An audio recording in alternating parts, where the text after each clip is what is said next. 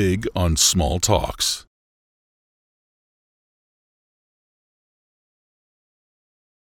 Dag Matthias de Wilde. Goedemiddag, welkom bij de boxing. Dank u. Je hebt een eh, heel interessant boek mee voor ons. Hè? Ja, Game Over. Hoe pak je problematisch game, gamegedrag bij jongeren aan? Ehm, ik ga met de deur in huis vallen. Hè. Eh, wanneer groeit onschuldig gamegedrag uit tot een verslaving? Dat is Ja. de belangrijkste vraag. Eh, wanneer groeit onschuldig gamegedrag uit tot een verslaving? In mijn ogen, hoe dat ik er naar kijk, is vanaf dat dat gamen meer wordt dan enkel een hobby, Ja? dat dat een negatieve invloed begint te hebben op je leven, Mhm. op je gezondheid, op je sociale contacten, op je studies, hè, schoolresultaten die achteruit beginnen gaan. Dan, in mijn ogen, is het een teken om eraan te gaan beginnen werken. Ja. Of je dat nu bij, bij jezelf merkt, of bij je kinderen, of bij je partner. Hè. Eh, nu, om te, echt al te spreken van een verslaving, hè, dan moet er al wat meer aan de hand zijn. Hè. Je moet aan een aantal criteria voldoen. Hè, van, eh, om duur meer en meer gamen nodig hebben om er plezier uit te halen. In de problemen komen in je leven met gamen. Hè. Al proberen minderen met gamen, maar niet lukken, hè, bijvoorbeeld. Hè. Zo zijn er een aantal zaken waar naar gekeken wordt. En als dat dan meer dan een jaar aanwezig is, dan kan er officieel dan van een gameverslaving sprake zijn. Maar in mijn ogen, allee, voor mij gaat het er niet om of iemand nu gameverslaafd is of niet. Het gaat erom, zorg dat gamen voor problemen in je leven, ja, dan, dan, dat is niet de bedoeling. Hè. Dat is, Ja. eh, dan moet Ja. eraan gewerkt worden. Ja. Je hebt een, eh, een, een bedrijf opgericht, Game Changers, die eh, mensen begeleidt met een gameverslaving. Of ouders begeleidt met een gameverslaving, als ik het goed begrijp. Ja, dus ik ben ongeveer vier, vijf jaar geleden begonnen, eh, eerst op mezelf, om, gezin, om te gaan werken rond gameverslaving, om, Mhm. om daar mensen in te gaan helpen. Dat was begonnen met lezingen te geven op school, hè, waar ik mijn getuigenis deed van mijn eigen gameverslaving. eh, en jongeren aansporen om toch wat meer die, die balans te vinden tussen de on- en de offline wereld. En geleidelijk aan kwam ik ook meer en meer met ouders in contact, die ja, vaak worstelden met hun zonen, soms ook dochters, maar heel vaak zonen, die, waar dat gamen toch wel serieus uit de hand liep of aan het lopen was. En niet goed wisten hoe daarmee om te gaan. En zo ben ik geleidelijk aan ook meer en meer gezinnen gaan begeleiden. En ongeveer twee jaar geleden ben ik dan met, twee, drie jaar geleden ben ik dan met iemand in contact gekomen die ook een beetje gelijkaardige geschiedenis als, als, als, mij, als mij had ook zo wat met gamen in de problemen is geraakt vroeger. Ehm, een, een psycholoog, hè, net afgestudeerd. En eh, we hebben dan de handen in elkaar ge- eh, genomen en we hebben dan Game Changers opgestart. Ehm, in het verlengde van waar ik eigenlijk al, al toen al een jaar of twee mee bezig was. Om het nog beter, nog professioneler allemaal te gaan aanpakken, nog meer mensen te kunnen gaan bereiken ook. Ja. En nu zijn we daar ongeveer al ja, twee jaar mee bezig. Ehm, dus met coaching, lezingen en ook eh, workshops hè, tot, tot, tot voor kort, tot, tot, Ja. eh, tot voor de corona. Ehm, eh, de workshops ook eh, organiseren, speciaal voor gezinnen dan, met jongens, zo 10 tot 15 jaar. Eh, rond hoe kunnen we op een gezonde manier omgaan met dat gamen. En de coaching is, is nu ja, vooral hetgeen dat ik mee bezig ben. En dat zijn dan vooral gezinnen met jongens zo 12 tot 28 jaar. Soms ook volwassenen die ons contacteren. Gamers zelf, maar de meeste toch wel ouders die ons contacteren. Ehm, het mag gezegd worden, je bent een ervaringsdeskundige. Hè? Ja. Je hebt zelf eh, het probleem gehad. Ehm, kan je er iets meer over vertellen eigenlijk? Want hoe, hoe raak je verslaafd aan eh, gaming? Eh, dus bij mij begon dat heel onschuldig. Ik denk op mijn 12, 13 jaar dat ik voor het eerst ben beginnen spelen. Ehm, dat was zo van die spelletjes op de Sega was dat nog Ja. zo, hè, nog voordat de Xbox bestond of de Playstation. FIFA, dat ik heel graag speelde. Later was het dan op de computer SimCity, Rollercoaster Tycoon. Hè, eh, zo van die spelletjes, vrij onschuldig allemaal. En dan werd ik wat ouder, zo 16, 17, 18 jaar. En ik begon het ook wat moeilijk te krijgen op sociaal vlak. Voor mij zo uitgaan, op café gaan, naar vuiven gaan. Ja, ik had daar heel lastig mee. Dat gaf me heel veel stress. Ik deed dat ook helemaal niet zo graag. Ik wist ook vaak niet goed wat te zeggen in zo'n omgevingen met, groot, met veel mensen. En zeker naar vuiven gaan, ja, dat was, dat was voor mij echt eh, de hel. En ehm, ik vond het veel fijner om thuis gewoon te spelen. En eh, dat begon dan met ja, eens een keer een avond wat langer te spelen, eens een keer een weekend heel de tijd door te gaan gamen. Eh, spelletjes, Team Fortress, Counter-Strike en zo was het dan vooral in die periode.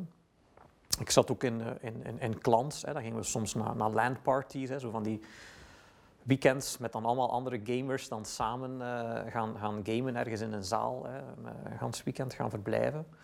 Ehm, en tegen andere ploegen, tegen andere teams gaan, gaan spelen. Mhm. Uh, en zo ging het, maar, maar, heel veel tijd vooral op mezelf dat ik spendeerde thuis, achter mijn computer. Hè. Elke, bijna elke vrije seconde die ik had, elke vrije minuut, wou ik gamen. Ik vond dat gewoon zoveel leuker dan alle andere activiteiten om te gaan doen. En dan is het vooral beginnen ontsporen als ik dan wat ouder was, zo 18, 19, 20, als ik naar de hogeschool ben gegaan. Um, ja, ik, ik, ging nog wel naar de lessen, ik deed nog wel het, het soort minimum, net, net genoeg om er altijd wel min of meer door te zijn. Maar bijna al mijn vrije tijd ging naar het spelen van, uh, van die spelletjes. Ja. Uh, World of Warcraft heb ik toen heel veel zitten spelen, een soort van online rollenspel. Ja. En uh, ja, op een bepaald moment ben ik dan, ben dan was in Mechelen zo, IT-management dat ik ben gaan studeren, zo met computers en programmeren. Maar ik ben er dan altijd wel min of meer doorgeraakt. Hè. herexamens dan wel vaak. Maar ja, daar zat ik dan. Ik was 22, 22 jaar, ik was afgestudeerd. Maar mijn sociale vaardigheden waren nul. Hè. Ik durfde niet buiten komen, ik durfde niet meer onder mensen te komen.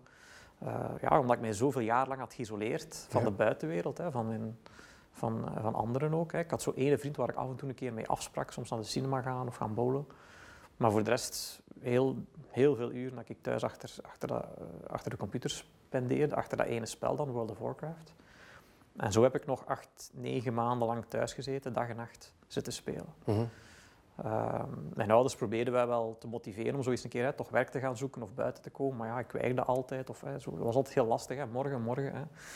Uh, altijd uitstellen. Zo eens een keer één of twee keer wel eens een keer gaan, gaan solliciteren. Maar ja, dat, dat trok op het niet veel eigenlijk. Hè. Dat is ook niet echt iets geworden.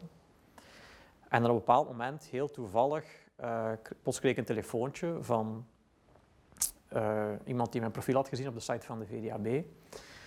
En die zei van, ja, ik heb je profiel gezien, kom eens een keer af. Het was, over de, het was ergens een job in de verkoop. Ik wist niet goed wat dat, dat toen was. Maar ik dacht van, oké, ik zal er maar een keer afkomen. Uh, ik durfde waarschijnlijk ook niet gewoon nee te zeggen op dat moment. Dus, dus ik ben dan, ben dan maar afgekomen. Uh, en toen bleek dat dat deur-aan-deur verkoop was. van in de tijd Mobistar, ik spreek nu over ongeveer 12 jaar geleden. Ja, ja, toen werd dat nog wat vaker gedaan dan nu. Uh, nu is dat Orange ondertussen. Dus gsm-abonnementen. En uh, ik mocht daar dan beginnen. Hè. Eh, het was ook op zelfstandige basis, dus als ik niks verkocht, moesten ze mij niks betalen. Hè. Misschien heeft dat ook geholpen om mij toe te laten daar. Het was zo, zo een periode van hè, gewoon hoe meer zielen, hoe meer vreugde. Mhm. Zeg maar. Dus ik ben daar dan begonnen. Uh, maar dat was natuurlijk vreselijk, hè, want ja, ik moest dan aanbellen. Ja. Ik weet nog mijn eerste deur, ik belde aan. Er kwamen mensen af. Ik wist niet goed wat te doen, ik ben gewoon gaan lopen. Hm. Dat was eigenlijk mijn eerste werkdag, het was eigenlijk meer belletje trek dat ik had gedaan. Um, maar ik ben wel blijven, blijven, blijven terugkomen, blijven verder doen. En ik heb toen echt heel veel ondersteuning gehad, heel veel hulp gehad van mijn collega's, van mijn baas ook toen. Die was echt een beetje een mentor voor mij geworden om den duur. Um, die hebben me echt onder de arm genomen en, en, geholpen om daar beter in te worden. Hè. En, en, geleidelijk aan, ja, zo na een paar weken begon dat echt te lukken. De eerste verkopen begonnen te lukken. En dat gaf een enorme boost aan mijn zelfvertrouwen. En ik ben me toen daar helemaal op in gaan smijten, hè, zeg maar, waar ik vroeger dan de beste wou zijn in die spelletjes. Hè. Ik was toch redelijk competitief en ik wou daar altijd een beste in zijn. Ah, ik was nooit goed genoeg om daar ooit geld mee te kunnen verdienen, maar wel ah, redelijk goed in. Maar nu ben ik diezelfde focus gaan toepassen in mijn, in mijn werk. Mhm. En op zo'n paar weken tijd, of een paar maanden tijd, was ik zo hè, van waarschijnlijk de slechtste verkoper aller tijden, naar toch een van de, een van de beste verkopers op dat team gegaan. En uh, ja, door, door, door, me daar zo heel, heel erg op te focussen, en, en ja, dat was natuurlijk kei tof. Hè. Mijn collega's vonden dat kei tof. Mijn ouders wisten niet goed wat er gebeurde. Hè. Ik wist ook niet goed wat er gebeurde. Maar zo, dat was een enorme switch hè, dat ik toen gemaakt heb, om me daar helemaal in te gaan verdiepen. Um, achteraf gezien hè, heb ik ook wel beseft dat dat... Ik heb veel geluk gehad hè, dat ik echt die mensen ben, ben tegengekomen op dat moment in mijn leven. Dat die me echt hebben uh, ondersteund. En, en ook dat eigenlijk heel veel van die behoeften die ik enkel vond in die spelletjes op dat moment in mijn leven, ook ben gaan vinden in, in, op dat moment in mijn werk. Hè. Dus ja. zo laagdrempelig sociaal contact. Hè. Ik, had, ik had ook heel veel tijd voor mezelf. Hè. Ik had, we gingen wel de baan op. Hè.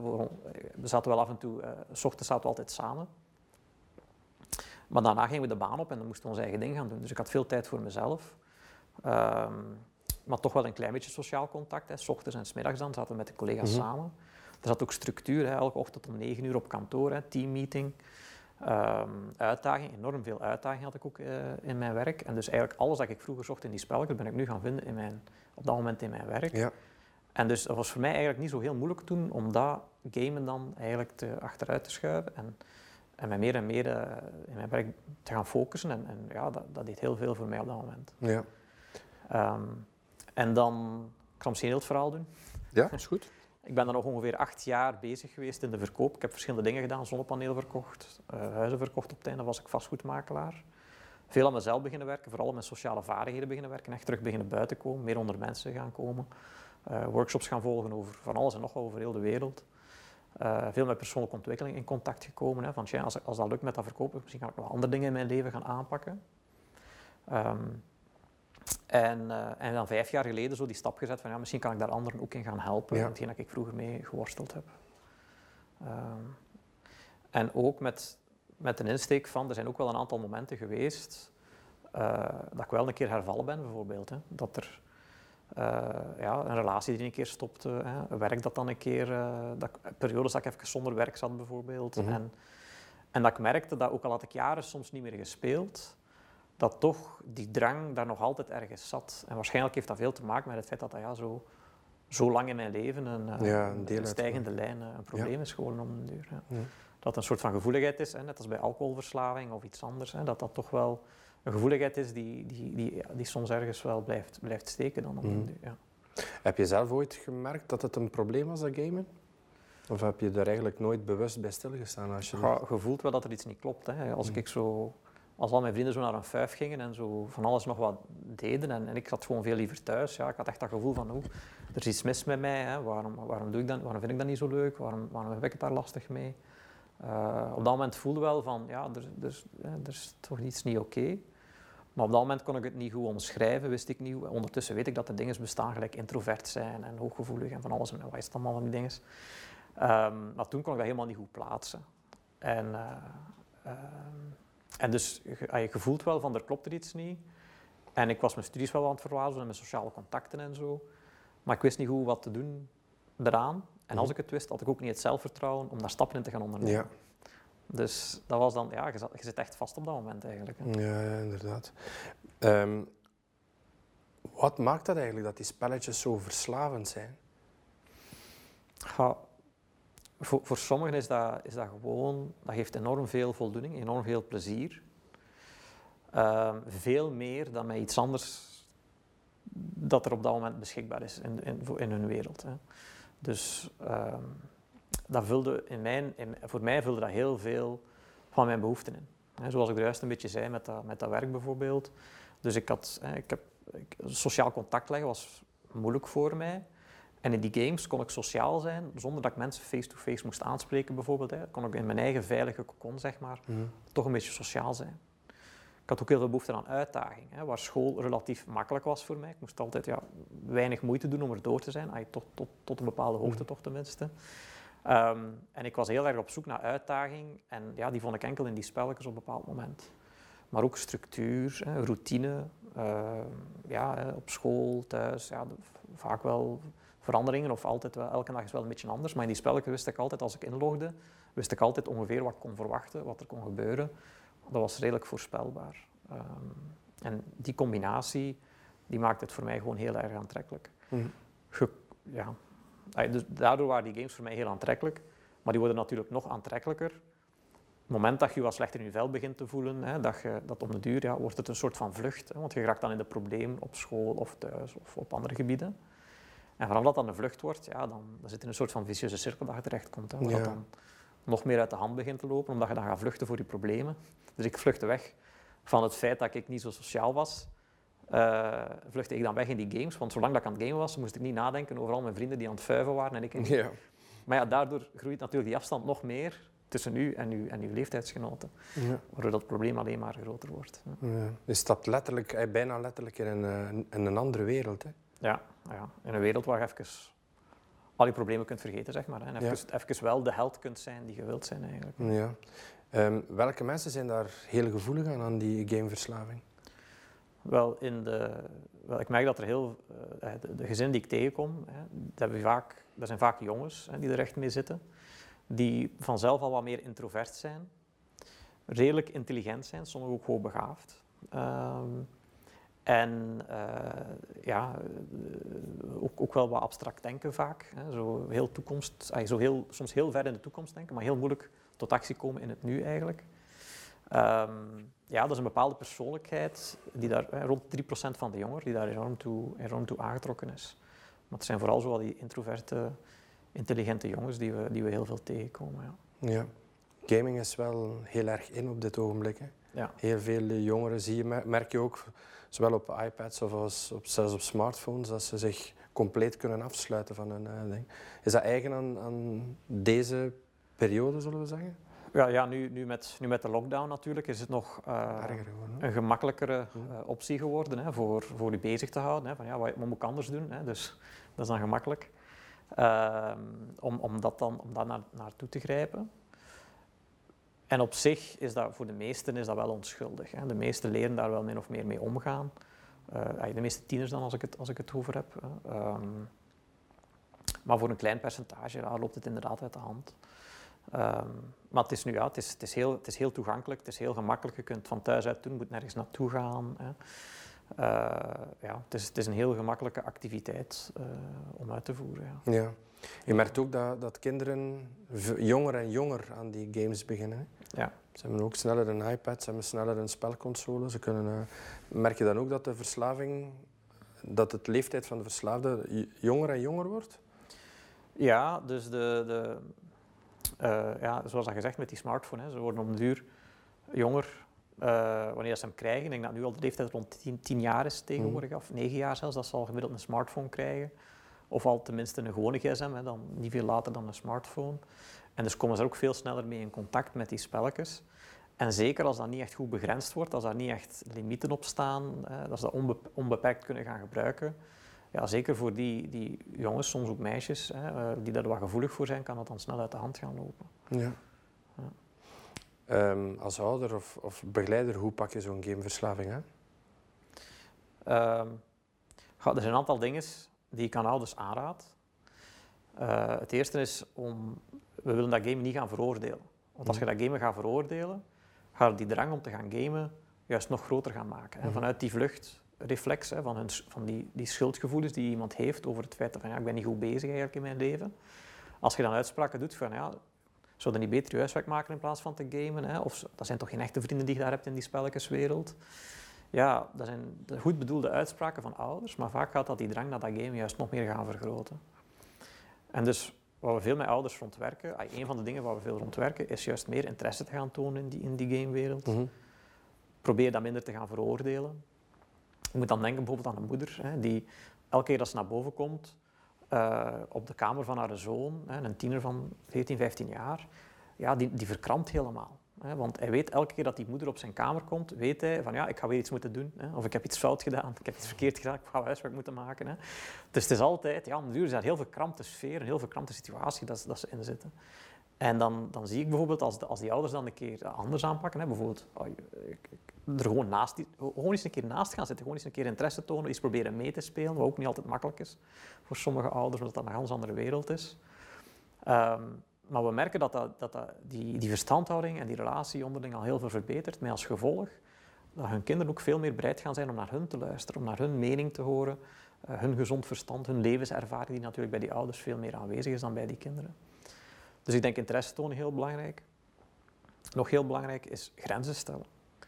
Ik bedoel, voor ons is het soms al moeilijk als volwassenen om met onze gsm eh, om te gaan of met e-mails niet dag en nacht Ja. bezig te zijn of wat dan ook. Laat staan voor een gast die in het midden van zijn puberteit zit. Ehm, eh, die, die hersenen zijn nog volop in ontwikkeling, hè, die moeten nog zoveel leren over het leven. En vooral, het is nog, het is nog heel moeilijk voor hun hè, in, die, in die fase van 10 tot 25 jaar oud. Leren ze nog volop lange termijn denken, impulsen beheersen, met emoties omgaan. Dat zijn allemaal vaardigheden die je leert in, de, in, in die periode in je leven. En dus dat is heel normaal voor iemand van die leeftijd om niet zichzelf goed te kunnen reguleren. En als we kijken naar alcohol, naar gokken, hè, ah, drugs ook, hè, eh, Ja. voor zouden kunnen zeggen, maar, maar gelijk naar alcohol en gokken bijvoorbeeld, dat zijn, er zijn regels voor hè, om minderjarigen te beschermen tegen zichzelf. Hè. Dat is niet zomaar dat er daar wetten rond bestaan. Mhm. Maar als we kijken naar internetgebruik, naar gamen, ja, dat is allemaal nog zo nieuw, dat is nog zo ongekend, dat er eigenlijk nog, nog niks van wetten daar rond bestaan voor minderjarigen te gaan beschermen, of nog, toch, toch nog heel beperkt. Hè. Sommige games hebben wel zo leeftijdsindicaties wat dat geschikt is, maar als we kijken naar tijden en, en beperkingen enzovoort, is dat allemaal nog heel nieuw. Uh, en dat is inderdaad moeilijk voor, voor ouders om te weten van ja, hoe gaan we daar nu mee om. Maar het is echt belangrijk dat er grenzen zijn, dat dat niet heel, heel de nacht aangaat. Zeker als je met iemand thuis zit die er echt gevoelig voor is. Want dan kan dat inderdaad tot, probleem, tot, uh, tot, problemen beginnen leiden. Dat dat echt dan eens een keer een nacht door is dat ze dan doen. Dat ze dan de volgende ochtend dan niet meer uit bed geraken voor naar school te geraken. Hè. Ze, worden dan, ze komen dan te laat op school, ze voelen zich slecht, gaan nog meer gamen. En we zijn vertrokken. Ja. Dus die grenzen is heel belangrijk.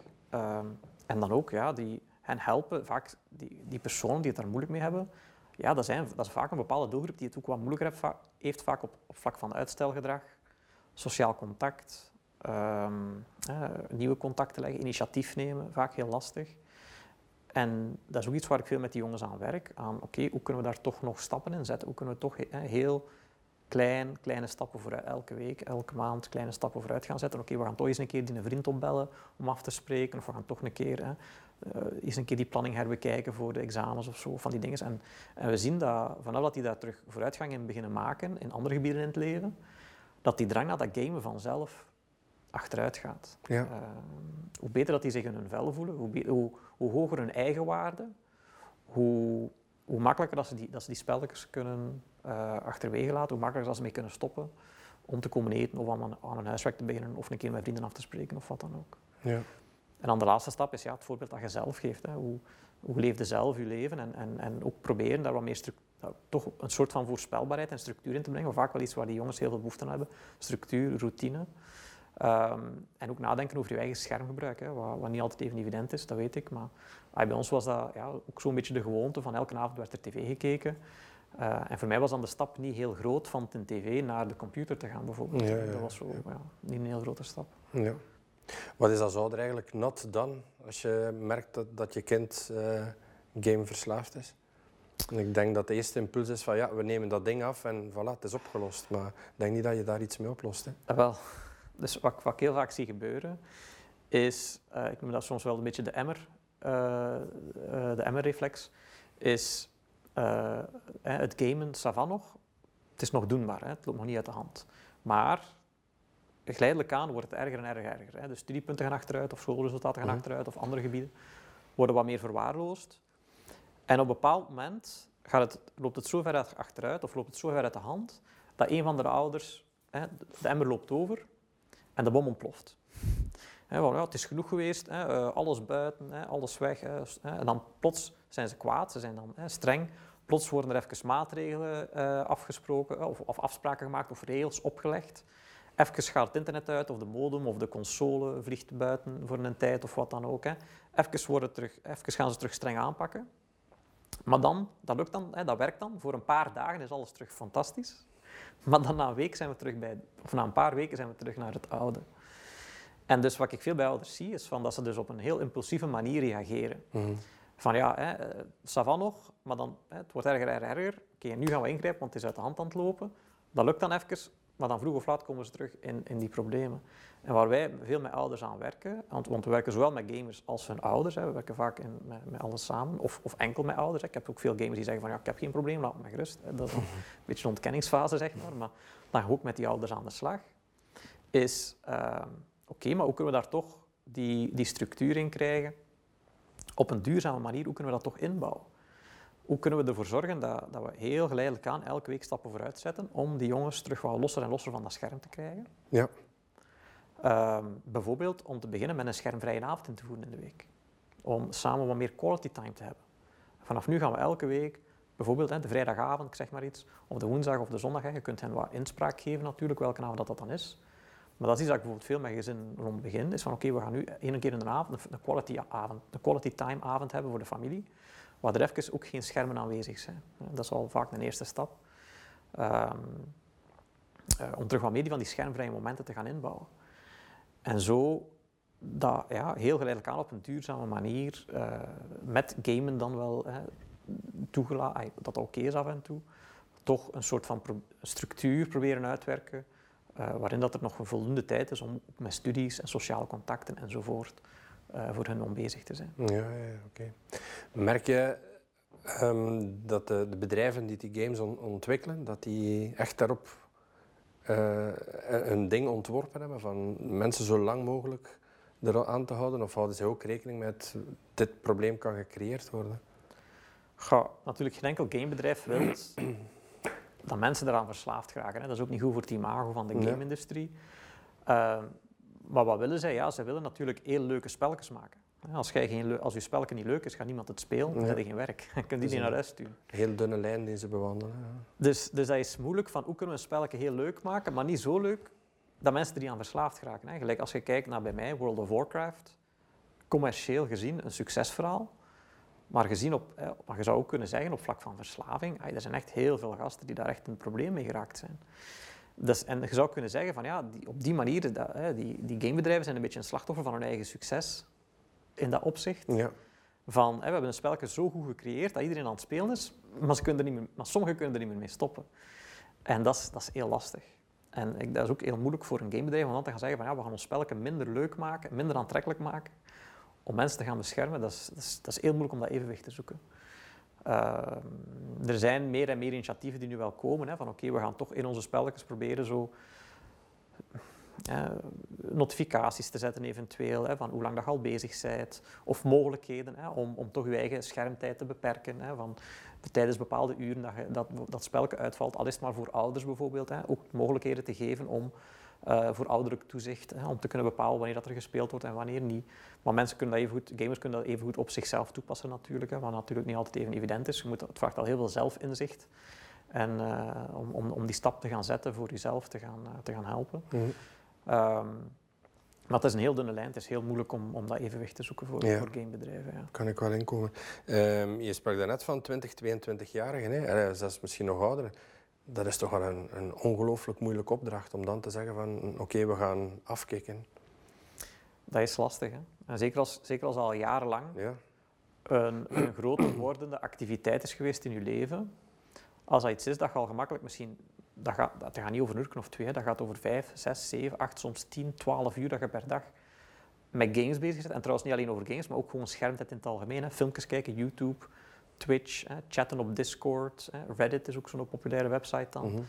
Eh, zo alles dat daarmee gerelateerd is, hè, online, waaronder hè, dus heel veel filmpjes kijken. Dat is heel lastig om plots van de ene dag op de andere dag te gaan zeggen van ja, nu ga ik plots iets anders gaan doen. Dat is, als dat een gewoonte is geworden van ik zet, ik zet zoveel uren per dag achter mijn scherm met amuseren, met games of iets gelijkaardigs, dan, ja, dan moet dat heel, in mijn ogen is het best om dat heel geleidelijk aan terug af te bouwen, eh, te, op te vangen met andere activiteiten geleidelijk aan te gaan opvullen. Ehm, eh, maar ja, dat is, eh, zeker als je zo 20, 21 bent en je studies beginnen al wat moeilijker te gaan, ja, dat, is, dat is een grote stap voor sommigen. Om dat terug om te keren. En dat, heeft, dat is een proces dat vaak wel wat, wat tijd in beslag neemt. Ja. Is dat een fenomeen dat alsmaar groter en erger gaat worden? Gameverslaving? Ja, het is nog, het best- ah, wel, ik ben al 15 jaar geleden eraan verslaafd geraakt. Hè. Eh, ik ben er zeker van dat er nog wel zullen geweest zijn toen, maar nog relatief weinig. Mhm. Maar ik zie dat alleen maar stijgen. Hè. Als ik kijk nu eh, naar gasten van 12, 14, 15 jaar die het er moeilijk mee hebben. En ik, ik heb het gevoel dat ik nu nog maar het tipje van de ijsberg zie. Hè. Want, want ja, niet iedereen durft die stap zetten om, om hulp te zoeken. Dat is, ja, dat is vaak lastig. Hè. Als ouder voelt je soms schuldig over het feit dat je kind al dan niet game verslaafd is. En om dan hulp te gaan zoeken vraagt wel heel wat moed. Ehm, ook al is het wel vaak nodig, hè, of toch heel belangrijk om, om daar niet te lang mee... Hoe langer dat je wacht, hoe moeilijker dat vaak wordt om daar Ja. behandelingen te voeren. Ehm, eh, ja, maar dat, dat is soms lastig om daar, om daar hulp in te gaan zoeken. Ja. Ja. Je merkt ook wel, eh, zelfs eh, als de restaurants open waren, dat ouders kinderen meenemen en iPad, iPad, of, en hou jullie stil en don't move, want het is, je moet je, sommige ouders, allez, sommige, het is een algemene tendens dat het wel aangestoken wordt, hè, van kijk nog wat filmpjes, dan zijn ze kalm, dan zijn ze rustig. Het is een heel gemakkelijk een babysitter. Ja, hè. En zeker veel van die jongens, ja, die, ik merk dat ook, als ik kijk naar mijzelf ook, hè, toen ik, vroeger, toen ik nog tien jaar oud was, ja, ik kon heel moeilijk stilzitten. Ik had altijd iets of iemand nodig om mee bezig te zijn. Hè. Kom, we gaan een spel spelen, kom, opa, hè, we, gaan, we gaan een, zandkasteel bouwen, hè, of we gaan voetballen samen. Hè. Ik, was, ik, vroeg heel veel, veel, heel veel aandacht van, van de mensen rondom mij, waarschijnlijk ook van mijn ouders. En, en natuurlijk zal dat voor hun ergens ook wel gemakkelijk geweest zijn. Van, amai, hij houdt zich bezig met zijn spelletjes, hij kan zich een paar uurtjes bezighouden. Dat ze mij dan even lieten doen. Eh, voor hun zal dat zeker gemakkelijk geweest zijn. Ja. ja. Volg je nu zelf op dit ogenblik nog het gamen? Eh, wel, ik volg het wel nog, hè. ik blijf op de hoogte om ook wat Ja. mee te kunnen blijven met, met de gamers waar ik mee spreek.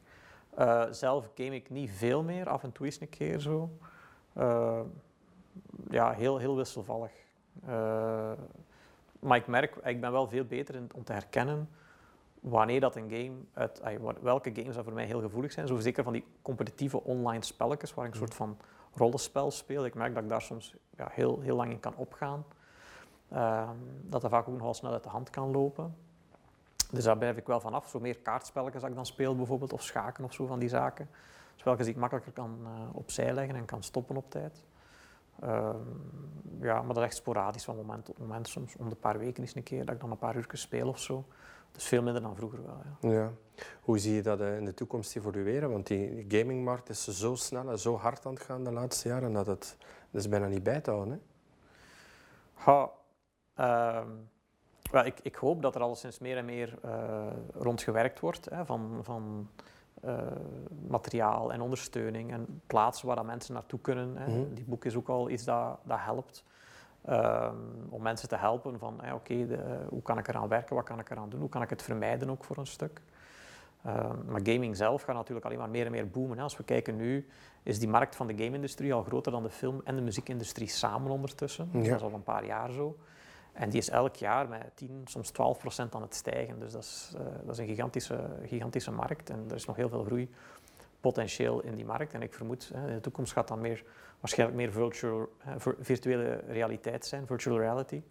Ehm gaan meer en meer ingeburgerd geraken waarschijnlijk in, in gezinnen. Nu is dat nog zoiets ver van ons bed. Maar ik vermoed dat dat in tien jaar meer, eh, meer normaal zal zijn. Net als vroeger het internet eh, ook Ja. eh, een periode heeft gehad ehm, om ingeburgerd te geraken. En ik, ja, ik denk dat er nog heel veel gaat, ev- gaat evolueren door de jaren heen. Ja. Plus je zit nog met het eh, bijkomende feit dat er eh, nu pro-gamers zijn, hè? professionele gamers. Dat is een droom van, denk ik, iedere jongere die achter zijn eh, spelconsole zit. Ja, en, en je ziet dat ook. Hè, die, je ziet af en toe hè, die filmpjes dan van, zo van echt van die gamers die echt serieus veel geld verdienen. Hè. Dat gaat er over miljoenen dollars of euro's, hè, omdat ze dan de beste van de wereld zijn, Ja. zijn geworden of zo. En dat, dat, dat, dat, spreekt natuurlijk heel erg aan bij die jongere gamers. Hè, van, oh, ik ga vroeger ook later eh, professioneel gamer worden. Hè. En in de meeste gevallen is dat ook vrij onschuldig hè, om die droom te hebben. Ik wou ook profvoetballer worden vroeger en, eh, en bankdirecteur. En, het is al liefst allebei tegelijk, maar het is, het is niet gewoon. Maar ja, toen was ik 12 jaar of zo. Weet je, Ja. dus dat is, dat is allemaal vrij onschuldig. Hè. Ehm, en naarmate dat kinderen ouder worden, gaan ze ook gemakkelijker, gaan ze ook beter begrijpen wat dat realistisch is en wat dat niet realistisch is voor hun eigen toekomst. En gaan ze ook meer realistische doelstellingen gaan zetten. Ja. Het probleem is soms ja, bij sommigen die echt zich zo vastbijten op dat gamer, gamer worden en om de duur alles, al de rest beginnen te verwaarlozen, hè, en studies beginnen te verwaarlozen en eigenlijk geen plan B meer hebben van ja, wat als het niet lukt, dat gamen? Want ja, het is maar de 0,00001% die echt daar goed genoeg is om te gaan. Net als in de voetbal of in de tennis of zo. Hè. Er, zijn, er zijn wel mensen die er echt serieus geld mee verdienen. Maar ja, dat is maar een heel klein percentage van mensen die er echt van kan leven. Ja. Dus als je op een duur alles, al je eieren in die ene mand legt van ik ga professioneel gamer worden, en dan blijkt dat niet te lukken, ja, dan, dan zitten we wel, dan zitten wel in de problemen. Dus Ja. dat is ook iets dat ik jongeren aanmoedig van ja, zorg dat je verschillende dingen in het leven hebt, niet enkel dat game. Ja. Even terug naar het boek. Allee, we zijn al constant over het boek Ja, bezig, ja, want het zijn uiteindelijk onderwerpen die in het boek staan. Hè. Hoe heb je het boek eigenlijk eh, samengesteld? Ehm, heb je het een eh, groot deel uit je eigen ervaring en dan oplossingen? Of hoe heb je het... eh, Dus ik ben, vooral na, ik ben vooral gaan kijken van wat is het boek dat ik 20 jaar geleden aan mijn ouders had willen geven. mhm. Toen ik 15 was, ik ben nu 35. Wat had ik aan mijn ouders willen, ge- eh, willen geven dat hen misschien had geholpen om met mij om te gaan? Ik heb er heel veel jaren over kunnen nadenken van hoe had ik het anders kunnen aanpakken, maar vooral hoe hadden mijn ouders het anders kunnen aanpakken toen in de tijd, want ik was daar waarschijnlijk helemaal niet vatbaar voor. Hè. Ik had ook gezegd, laat me mij gerust, hè. ik heb helemaal geen probleem toen als ik zo eh, jonger was. Ehm, en, vanuit, en vanuit die gedachte ben ik dan aan dat boek beginnen werken. En ik heb er een combinatie in gestoken van mijn eigen verhaal, hè, daar begint het vooral een beetje bij. En geleidelijk aan eh, geef ik wat uitleg over wat is dat juist allemaal die gamewereld. Hè? Want ik merk dat dat voor veel ouders ja, nieuw is, hè, ongekend. Ja. Ze zijn daar zelf niet mee opgegroeid, hè, dus wat is dat allemaal die games? Dan geef ik wat uitleg over ja, hoe, hoe zit dat juist in elkaar, die, die, hoe, hoe komt dat dat, er echt verslaafd aan geraken? Hè? Wat zit daarachter, welke persoonlijkheden zijn daar wat gevoeliger voor? En dan geef ik een aantal eh, richtlijnen, zeg maar, hè, die, die, die adviezen die ik er juist wat verteld heb, Mhm. maar veel uitgebreider dan. Eh, van hoe dat je dat kunt aanpakken als ouder. Hoe kun je dat terug omkeren? Hoe kun je die jongens echt gaan helpen terug op een gezonde manier met technologie en met games eh, leren omgaan. Gecombineerd met natuurlijk heel wat getuigenissen, heel wat verhalen eh, uit de praktijk. Hè. Het, is, het is echt heel praktisch gericht van oké, hoe kunnen we dit nu thuis aanpakken ehm, om onze zoon of dochter hiermee te gaan helpen. Ja. Ja. Ehm, het is echt geschreven voor de ouders, hè? een begeleidingsboek voor de ouders. Ja. En, en, eh, Ja. ehm, kampen scholen daar ook eigenlijk mee? Met kinderen die eh, gameverslaafd zijn, als ze duidelijk merken van wow, hier is echt wel een probleem door gaming. Ja, in, in scholen eh, en merk ik wel vaak CLB's bijvoorbeeld die ons Mhm. contacteren of ouders die via het CLB bij ons zijn terechtgekomen bijvoorbeeld. Ehm, dus, eh, ja, leerkrachten die, die hè, als ik dan soms ga spreken op een school, is er quasi altijd wel in elke school dat ik kom, is, zijn er wel altijd een paar, een paar leerkrachten die zeggen van ja, we hebben hier zo'n paar jongens waar we voelen van hè, dat die toch, hè, die zitten dan te slapen in de klas, hè, eh, waarschijnlijk heel de nacht online bezig geweest, hè, studiepunten beginnen achteruit te gaan, ondanks dat dat wel slimme kerels zijn, hè, die Mhm. kunnen het wel aan, maar, maar ja, gewoon die motivatie, attitude en, en ja, aanwezigheid, eh, heel lastig. eh, en vermoedelijk dan ook heel veel door dat game bijvoorbeeld. En dus in elke school zijn er wel zo'n aantal eh, die er zitten, daar ben ik zeker van. Ja. Gaming van ja, bijna de hemel tot de hel, hè, kan Ja. het je geven. Matthias de Wilde, mag ik je bedanken voor dit fijne gesprek en succes met je boek nog. Dank u, graag gedaan. The Box Ring. Big on small talks.